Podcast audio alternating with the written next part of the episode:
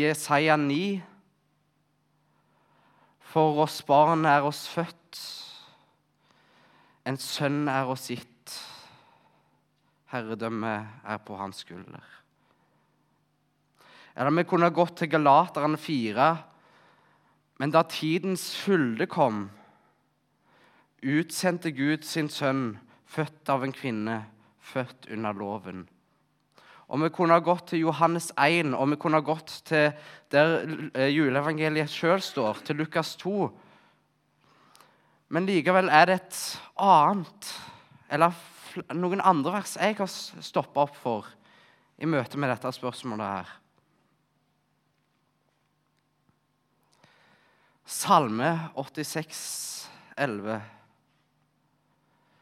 Og det er ikke et vers du kanskje forbinder med juleevangeliet. Men vi skal ta det likevel. Lær meg, Herre, din vei. Jeg vil vandre i din sannhet. Gi meg et udelt hjerte til å frykte ditt navn.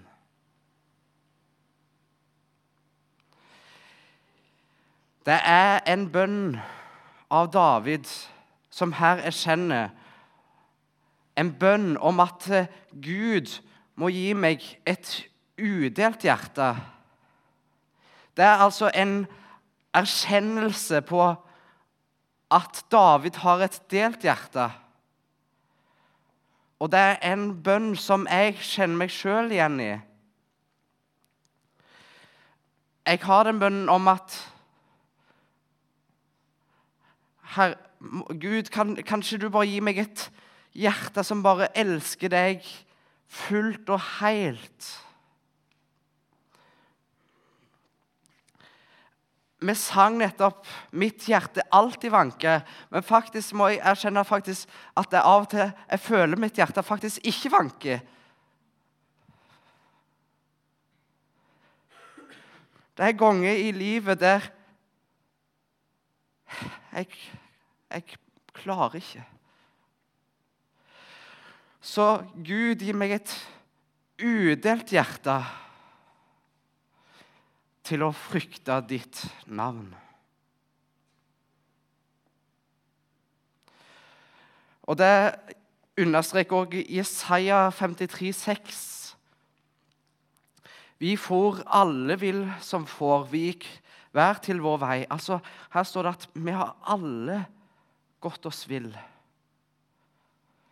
Hver til sin egen vei, ikke den veien Gud vil, men den veien vi vil. Lær meg, Herre, din vei. En bønn som egentlig er litt krevende å gå inn i når man innser at vi går en annen vei enn det Gud vil. Hva er liksom Hva er dette med jula å gjøre? Hva, hva svarer dette her på spørsmålet mitt? Noen av dere eh, har nok hørt, og eh, kanskje eh, Frank og Britt Kari husker nok veldig godt 11. september 2001.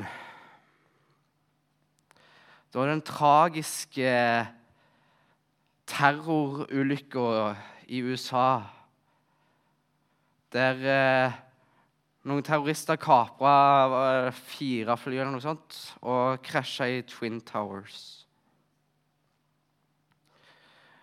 Det fortelles en historie om denne dagen. Det fortelles om en far og en sønn som jobber som brannmenn og er på jobb på denne dagen. Jonathan og Li Lelpi. Sønnen går inn i bygningen mens far prøver å hjelpe til med noen mennesker utenfor. Og så akkurat idet sønnen går inn, så kollapser hele bygget og sønnen blir fanga inne.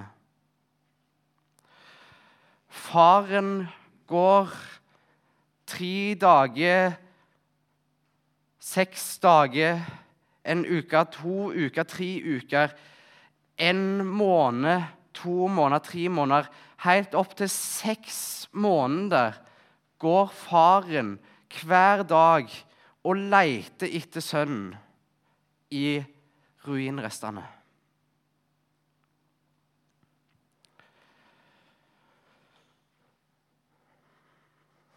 Og journalister spør, og jeg spør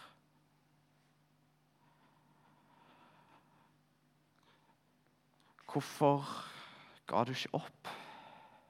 Seks måneder med leiting. Et halvt år. Når du vet at alt du kommer til å finne, er en død sønn. Hvorfor var du villig til å lete så lenge etter en sønn som ikke er noe liv i?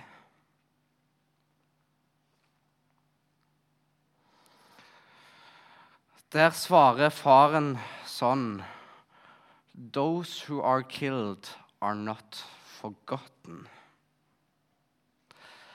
Hans kjærlighet var rett og slett for stor.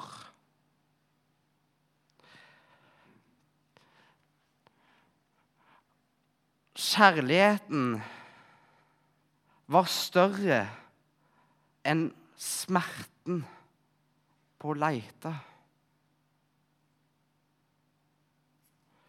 Kjærligheten var større enn smerten på å leite.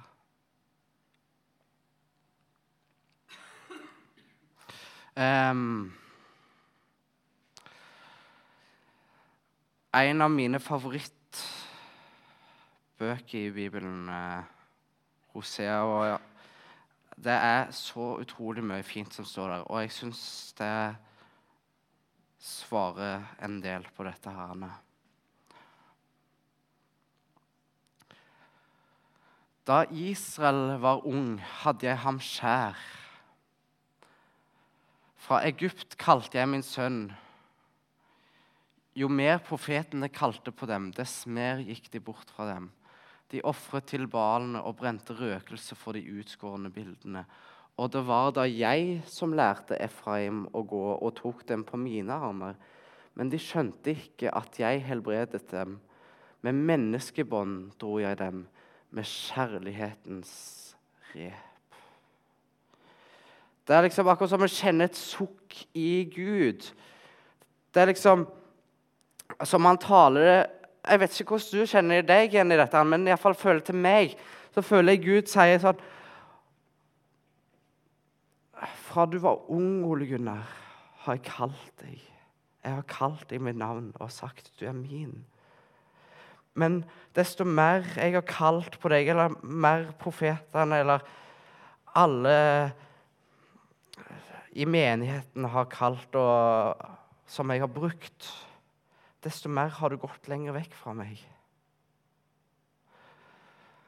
Og Jeg driver jo ikke akkurat med brenner røkelse og sånt, men uh, har kanskje andre avguder som jeg søker. Og så kommer det sukken, og det var da jeg som lærte Efraim å gå. Det er jeg som har lært deg å gå, Ole Gunnar. Og tok dem på mine armer. Men de skjønte ikke at jeg helbredet dem. Med menneskebånd dro jeg dem, med kjærlighetens rep. Og det er så fantastisk bildespråk. Altså, det er akkurat som jeg ser for meg Gud som tar på en måte en slags lasso og liksom eh, kaster og eh, på en, en, eller annen måte fanger meg og bare drar meg nærmere inn til, eh, til Gud. Da. Og det er liksom ikke snakk om noe sånn der tvang, på en måte, samtidig. Det er det. Men det er liksom hele båndet bare uttrykker en ren kjærlighet. Kjærlighetens rep.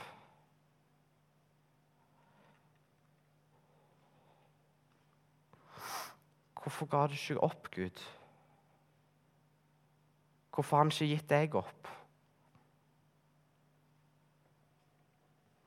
Jeg som har et delt hjerte. Jeg som ikke kjenner Guds vei. Jeg har liksom ett bein i himmelen og ett på jorda. Så lunka kjærlighet til han til tider.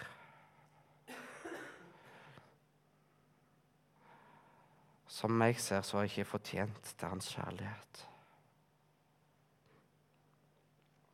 Så fortsetter Gud på sukket, da. Så kommer det liksom et slags respons etter smertesukket til Gud. Hvordan skal jeg kunne oppgi deg, Efraim? Hvordan skal jeg kunne gi deg til pris, Israel? Hvordan skal jeg kunne gi deg opp? Mitt hjerte vender seg i meg, all min medynk våkner. Jeg vil ikke fullbyrde min brennende vrede. Jeg vil ikke igjen ødelegge Efraim, for jeg er Gud og ikke et menneske. Det er liksom som om Gud kolliderer eller har en slags konflikt med seg sjøl.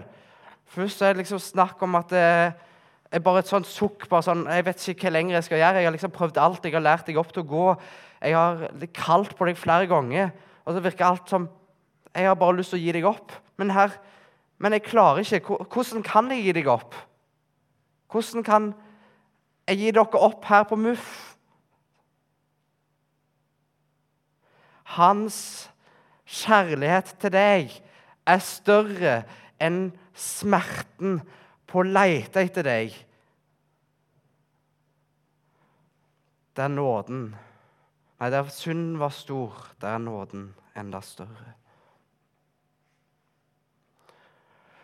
Vi har en Gud som ikke makter oss å gi oss opp. Er det én ting jula handler om, så er det nettopp det. Bli påminnet om det, at vi har en Gud som rett og slett hadde en så stor, enorm kjærlighet til deg og til meg at han ikke klarte å gi oss opp. Liksom, det er liksom et sukk hos Gud at det, jeg som gang på gang må bare dra deg nærmere inn til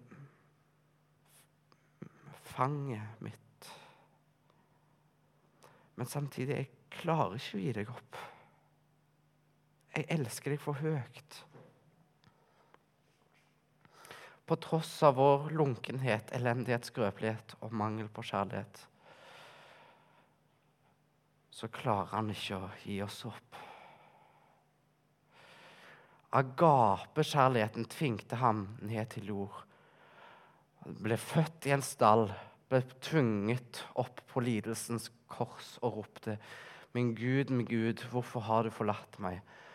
Han ble forlatt av Gud så at det samme ikke skulle skje med oss. Har du tenkt på det noen gang?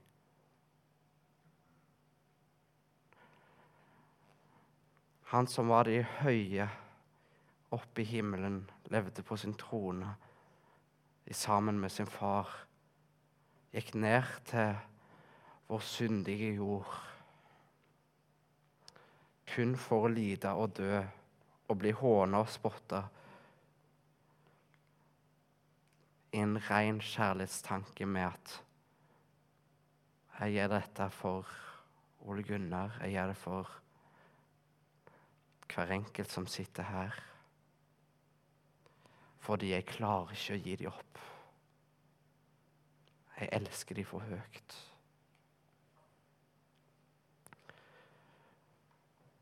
Er det én ting jula handler om, så er det nettopp dette.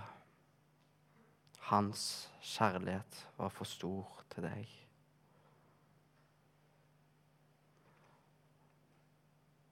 Skal vi be.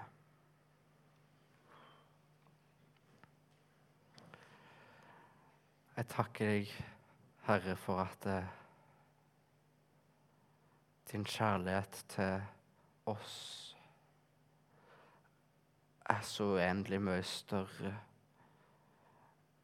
enn de gangen enn smerten på at eh, du må dra oss inn til din favn på nytt og på nytt. Vi, vi fortjener ikke din kjærlighet på noen som helst måte. Det er ikke noe vi har gjort oss fortjent til, og aldri klarer vi å oppfylle din enorme kjærlighet. Men likevel velger du å elske oss på tross av det. For du er en Gud som aldri makter å gi oss opp, på tross av når vi er langt borte fra deg. Velsigne resten av helga i ditt navn. Amen.